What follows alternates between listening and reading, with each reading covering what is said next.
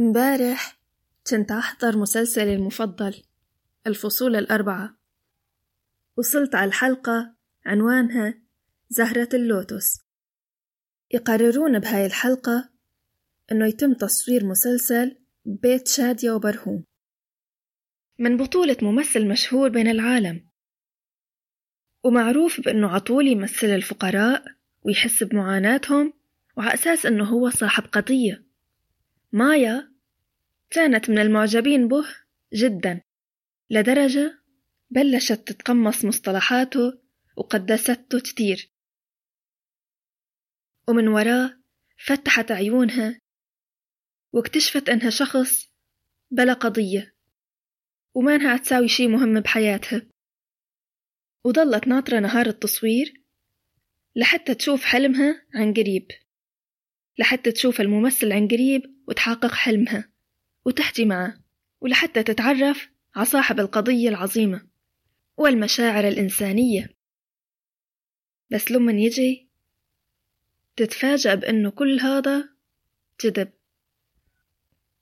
وكل شي كانت عتفكر به ما إلا وهم عاشت به. فتفوت بحالة اكتئاب على حلمها الضايع وخزلانها اللي كانت هي السبب صراحة. نادية هي المثقفة بهالمسلسل.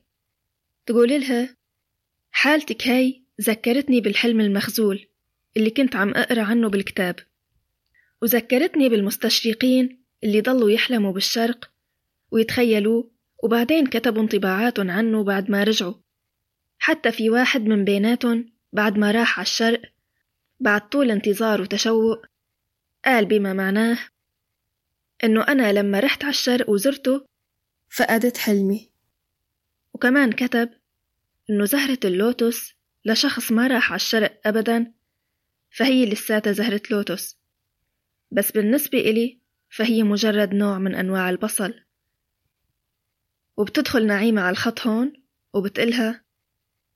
من الأول قلتلها لما عرفت إنه القمر هو صخور وتراب وحفر ما عاد صفي عندي قمر بقى يا ريتني ضليت على عماها كان أحسن.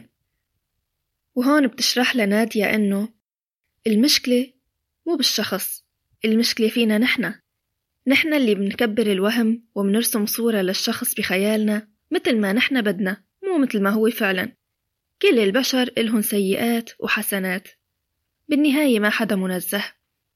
ومو ذنب الشخص لو حقيقته طلعت نقيض خيالنا.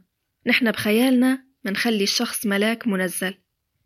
هي مو مشكلته هي أخطائنا نحن. هذا الحوار كان ضمن المسلسل. فصرت أني أبحث عن عن الكتاب هذا الحلم المخزول ولقيت اقتباس منه. لا ذنب لحلمنا إن كانت حقيقته نقيض خيالنا وتصوراتنا. نرسم في أحيان كثيرة الصورة كما نريدها نحن ونتمناها لا كما هي في الواقع. ومع ذلك نحمل أحلامنا ذريعة فشلنا في الوصول إلى ما نريد. أليس محتملا أننا ظلمناها بذلك؟ وأرهقناها بأمنياتنا الثقيلة فناءت بحملها وأعلنت العجز والهزيمة. ذات ليلة استغرقت في رحلة فلكية وغصت في محتويات دربها الشائق حيث ركبت جناح الهواء فقادتني قدماي إلى سطح القمر. وما ان وطئت أرضه حتى ارتطمت بصخرة قاسية تجاوزتها على مضض ومضيت. سرت طويلا فلم أرى إلا ارضا مقفرة وصخورا صماء صامتة. علمت حينها أن هذا الكائن الذي تغنى به البشر على امتداد عصورهم وأيامهم وشبهوا به الجميلات من نسائهم ما هو إلا مساحات شاسعة فارغة. حلمي الذي راودني طويلا أحبط وأضحى مخذولا. انزوى هناك فوق عطارد. وراح يبكي بصمت. إلى أن تلاشى وتناثرت ذراته في كوننا الفسيح إلى غير رجعة. نسجت وشاح صدمتي تلك وألقيته على كل ما أتى بعد ذلك من أشياء وأحلام. فكم من أرض سعينا للوصول إليها ونحن نتصور أن في أطرافها أبواب الجنان المشرعة لنا. ثم نفاجأ فيما بعد أنها أرض فحسب.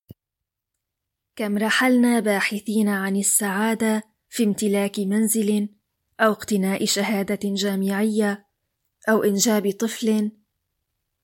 وعند الوصول إلى ما نريد علمنا أننا لم نرتشف من السعادة قطرة إذ إن السعادة تلك تكمن في استمتاعنا بالرحلة. وليس بالوصول إلى نهايتها.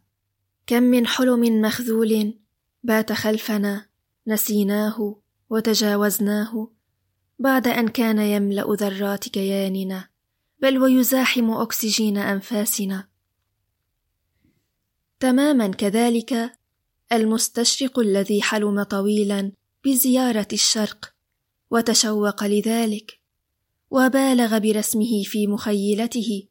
حتى جعله فردوسا. وغاب عن باله أنه يحمل الكثير من المساوئ كالغرب الذي يعيش فيه فكتب بعد زيارته تلك حين ذهبت إلى الشرق فقدت حلمي. زهرة اللوتس لشخص لم يزر الشرق ما زالت تلك الزهرة الفواحة المثيرة. أما بالنسبة لي فهي الآن نوع من النبات. كتير حلوة قصة زهرة اللوتس تخلي الإنسان يفتح عيونه على كتير أحلام وتخليه يركز أكتر عالدرب اللي وده يمشي به أكتر من النتيجة اللي رح يوصل لها.